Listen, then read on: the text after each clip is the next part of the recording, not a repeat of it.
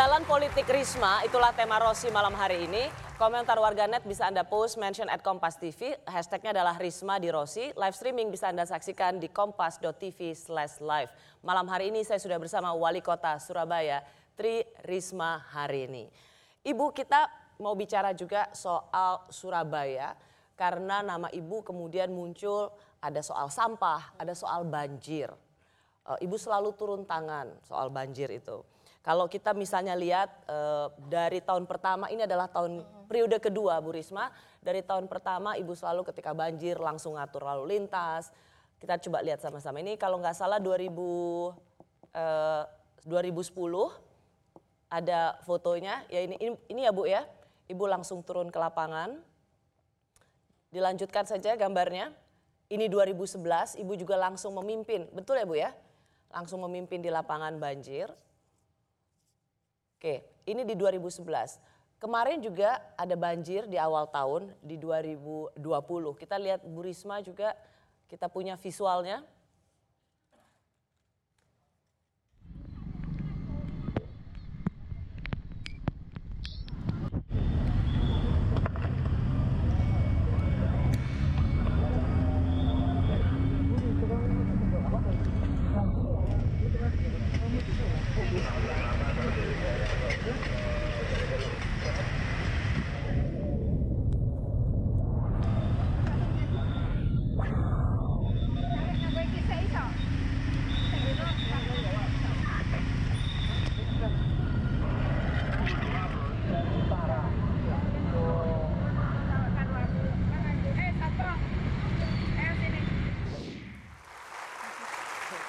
Sejak 2010 sampai 2020 Ibu langsung terjun memimpin uh, di lapangan.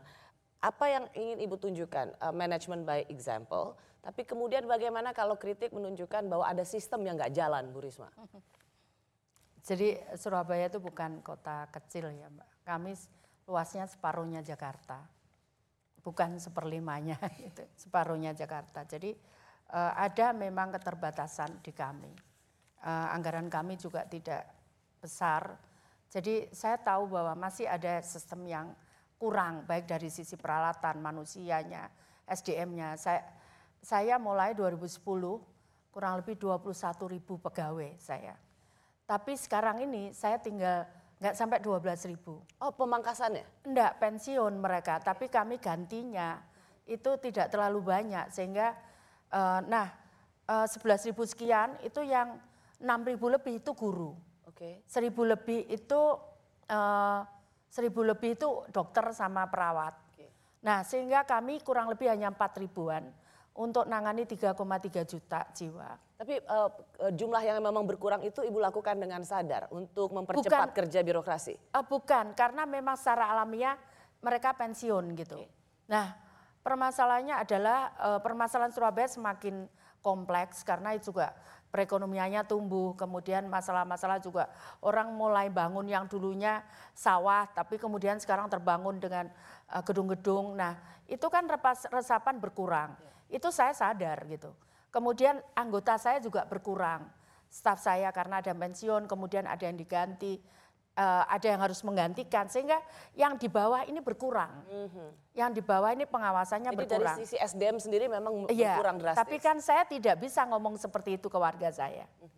Warga kan maunya bahwa saya nggak kebanjiran, saya tidak boleh macet gitu kan, saya nggak bisa. Mana alasan orang, itu kami nggak punya orang. Iya, saya nggak bisa pakai alasan itu. Atau ngomong saya nggak punya duit, saya nggak bisa pakai alasan itu. Jadi yang saya lakukan adalah bagaimana saya ikut, ikut untuk kadang juga seperti uh, ya tukang saluran. Untuk saya melihat sebetulnya masalahnya tuh apa. Gitu. Nah, jadi saya lihat bahwa oh ya masalahnya sampah gitu misalkan. Saya sampaikan uh, kepala dinas kebersihan itu sampah kan bukan nyangkut uh, penanganan banjir gitu kan. Banjir ada dinasnya sendiri sampah di. Nah, bagaimana kemudian mengkomben uh, dua dinas ini bisa bekerja sama supaya mereka tidak apa namanya Jalan saling sendiri. lempar gitu, ya, saling lempar masalah gitu. Nah saya ada di posisi di tengah mereka. Saya sampaikan kamu harus begini, kamu harus begini. Ini ada dampaknya seperti ini, saya bilang itu. Kalau ibu tidak tidak melakukan itu pasti nggak akan jalan. Ya, uh, karena pasti juga tidak. Karena nggak mungkin biasanya mereka kan kalau orang Jawa ngomong ewo pakewo apa tuh? Sungkan, Sungkan. mereka ya. Jadi misalkan contohnya pelaluan air itu dikerjakan oleh dinas kebersihan. Nah pelaluan air itu sering kali sampah-sampah masuk di situ. Seringkali juga lupa nggak dibersihkan. Akibatnya begitu hujan dia masuk. Akhirnya nyumbat. Nah saya sampaikan ke dinas kebersihan. Kalau begini saya sampaikan saya mana bisa bayar gitu. Mana saya bisa bayar karena kamu kerjanya enggak, enggak, enggak bagus gitu. Jadi di situlah kemudian bisa ada titik temu gitu loh. Oh iya, saya artinya harus kontrol ini kebersihan. Seperti itu. Nah di titik-titik itulah kadang. Ada lagi di titik yang itu hubungannya dengan masyarakat. Misalkan tiba-tiba di atas saluran ada didirikan apa. Nah kemudian saat kita mau ngecek itu nggak bisa. Butuhlah Satpol PP saya panggil Satpol PP, kadang jam satu malam, kadang jam ini kan nggak bisa, kadang begitu buntu ada apa masalahnya. Hmm. Dan sekali lagi tadi saya sampaikan, saya juga tidak mau warga saya terkena banjir gitu. Jadi artinya saya harus harus apa namanya ada di lapangan? Iya, saya harus mengetahui apa yang terjadi di lapangan gitu. Ya. Nah kadang mengetahuinya saya memang tidak ada seperti misalkan saya ada di Jakarta. Tapi ada saat saya bisa. Maka kemudian saya cek masalahnya apa itu. Bu itu jadi ada hubungannya nggak dengan uh, inkompetensi staf, kepala dinas dan lain uh, sebagainya, enggak. sistem yang nggak jalan? Jadi uh, jadi kadang orang ngomong koordinasi itu mudah, tapi di lapangan sulit sekali. Ada ego sektoral dan ini saya pikir seluruh terjadi. Semuanya semuanya di mana-mana. Dan di situlah tugas di situlah tugas saya harus untuk menulokkan bahwa ini kepentingan bersama. Makanya kalau kalau apa namanya, kalau ada masalah itu seluruh dinas ada di situ. Misalkan kami gerak, PU gerak, mereka ngeruk. E, lalu lintas terganggu, maka perhubungan harus bantu. Nggak bisa kemudian perhubungan lepas, sehingga PU nggak bisa kerja maksimal. Bagaimana kita bisa kerja maksimal?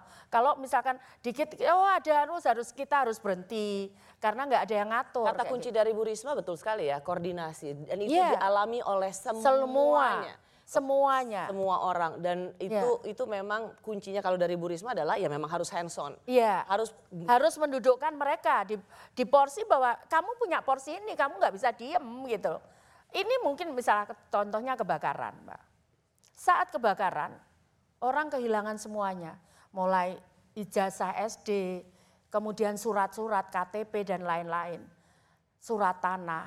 Nah kemudian apa iya PMK bisa nangan itu?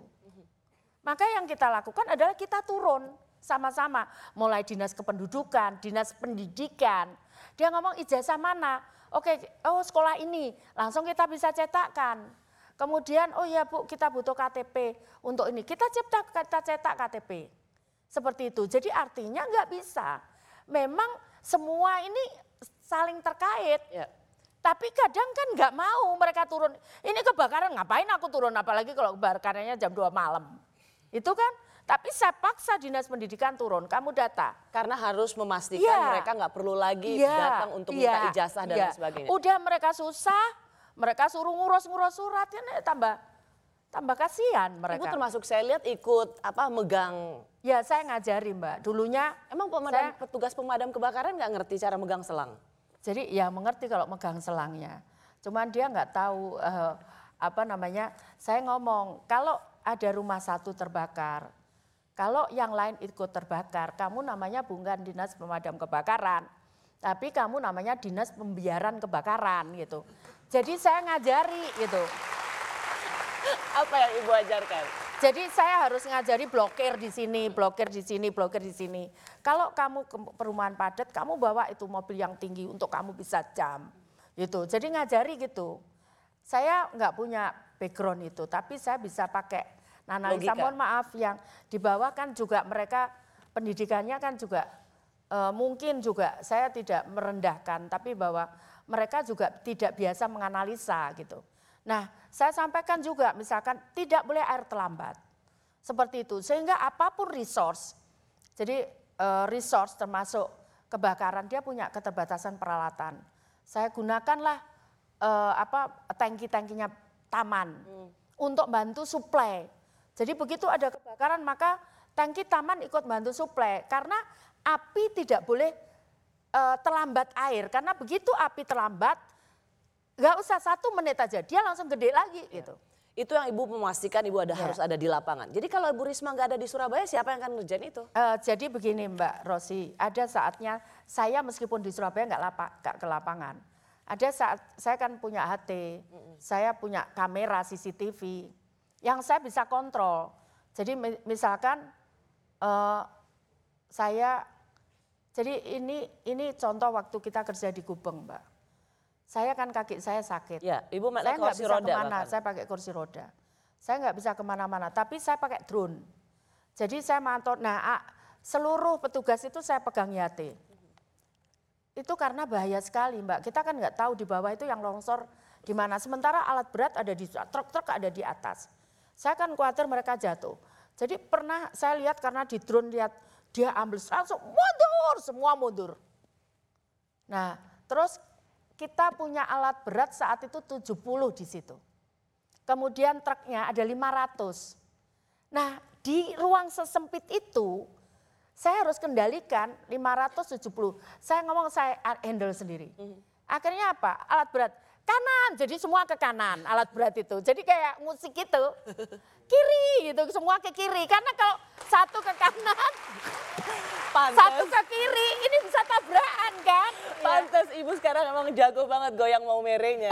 Ternyata belajar dari situ. Iya, jadi kalau kalau dia beda arah kan dia bisa tabrakan karena jarak alat berat ini pendek sekali gitu. Bu, nama ibu kan setelah menyelesaikan ada soal sampah, ada soal banjir.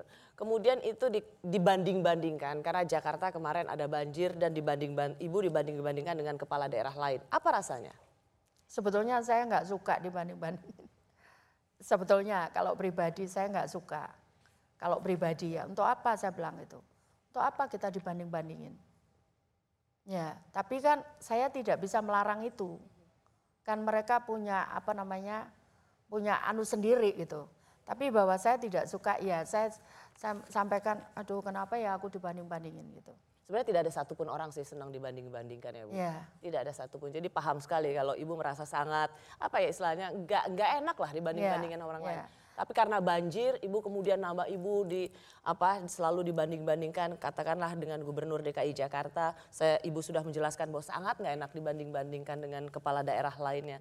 Tapi juga karena dengan banjir, kemudian ada ada cuitan-cuitan kan netizen ini bisa berkata apa pun bu.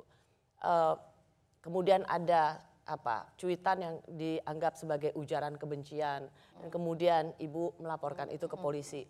Ada pertanyaan bu, benarkah ibu Risma anti kritik? Hmm.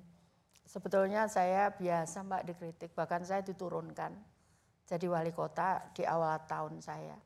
Tapi ini sudah menyinggung uh, saya terus terang begitu saya awalnya tidak tahu apa yang dia katakan. Anak saya menjabri saya. Kemudian saya lihat, saya saat itu langsung menangis. Karena saya ingat orang tua saya. Uh, saya sampai ngomong minta maaf ke anak saya. Maaf ya mas, saya nggak bisa jaga nama nama Yangti sama Yangkung. Karena karena saya seperti binatang gitu. Jadi kalau saya binatang berarti orang tua saya binatang gitu. Itu yang terus terang saya saya agak apa namanya itu pribadi Terluka. saya betul ya. Karena saya bagi saya orang tua itu segala-galanya untuk saya. E, karena itu dan saya selalu ngajarkan juga anak-anak Surabaya saya bilang kamu nggak akan ada siapa bukan siapa-siapa kalau nggak ada orang tuamu. Saya selalu ajarkan begitu. Nah saat itu kemudian karena itu sudah saya langsung teringat orang tua saya. Saya merasa saya tidak bisa membawa nama orang tua saya gitu loh. Karena saat itu saya kok sampai dikatakan demikian gitu. Kalau saya dikatakan Risma goblok biarin aja emangnya emangnya apa namanya orang ya Risma apalah saya enggak tapi begitu itu nyangkut saya tentang uh, saya disebut binatang saya terus terang ingat orang tua saya saat itu. Mhm. Kenapa kemudian saya melaporkan. Itu saya sendiri inisiatif. Mm-hmm. Saya ngomong, saya ada pejabat saya, ini urusan saya pribadi, saya bilang. Kalian tidak boleh ikut-ikut, saya bilang. Di situ, di situ saat saya apa namanya Saat itu kemudian staf saya langsung menunduk. Gitu. Dan ibu memang langsung menangis. Iya, karena saya ingat orang tua saya memang. Saya kita bayangin aja kan kalau orang tua kita e, kalau saya seperti itu kan berarti orang tua saya juga seperti itu gitu loh. E, kalau saya mau dikatakan oh Risma nggak bisa kerja, Risma goblok atau Risma bodoh atau Risma apa pun saya enggak urus saya bilang. Tapi ini sudah menyangkut karena anak itu ma, ma, mama dikatakan ini. Itu terus saya nggak tahu, saya baru karena saya nggak nggak punya medsos. Saya, loh kok seperti ini ya? Tiba-tiba saja orang tua saya terlintas gitu. Mm -hmm. Karena apa yang saya lakukan ini semua untuk menjaga nama baik orang tua saya. Sampai sampai kadang kadang kalau malam gitu Mbak Rosi kan rumah saya nggak cukup untuk parkir. Rumah saya kan tinggal rumah saya pribadi nggak cukup untuk parkir mobil dinas. Jadi mobil dinas ada di rumah dinas. Kadang kalau saya dapat kabar gitu, misalkan kebakaran atau ada bu ada masalah, misalkan hujan tiba-tiba deras, saya keluar. Saya kan nggak ada nggak ada apa mobil. Kalau suami saya bisa saya bangunin, dia saya diantar. Kalau nggak bisa, saya berangkat sendiri naik taksi. Saya hanya sampaikan nanti kita ketemu di sini gitu. Itu. Kadang polisi yang jaga Bu, enggak apa-apa, enggak apa-apa, enggak apa-apa, saya bilang. Itu semua saya lakukan untuk menjaga nama baik orang tua saya. Gitu. Karena saya dipercaya warga Surabaya, saya tidak ingin mempermalukan orang tua saya gitu. Dan itu prinsip buat Dan seorang itu prinsip, Risma ya, hari. Ya. Kemudian uh, pelaku uh, meminta bahkan memohon ingin ketemu Bunda Risma untuk minta maaf secara langsung. Apakah Bu Risma akan menyediakan waktu atau bagaimana Bu Risma? Uh, beliaunya udah minta maaf ke saya dan saya sudah maafkan. Karena sebelumnya saya juga untuk apa? Untuk apa pikiran dan hati saya dipenuhi dendam, benci. Karena saya pasti tidak bisa bekerja normal. Karena itu begitu dia minta maaf, beliaunya minta maaf, saya maafkan, saya cabut apa namanya laporan laporan saya, udah selesai bagi saya. Karena kenapa saya juga tidak ingin apa namanya sini ada perasaan apa-apa gitu. Karena kalau saya sangat percaya bahwa ke, manusia itu sangat terbatas kemampuannya. Karena, karena karena itu kalau dia dikurangi, pasti kemampuan itu juga akan berkurang. Nah saya tidak mau, yang saya khawatir kemudian saya emosi saat apa namanya ngambil keputusan gitu. Yang rugi kan warga saya, saya tidak mau itu. Jadi biarlah seorang ya, biarlah. Risma kembali bekerja ya, dan ya. fokus untuk warga Surabaya. Betul. betul. Kami kembali sesaat lagi.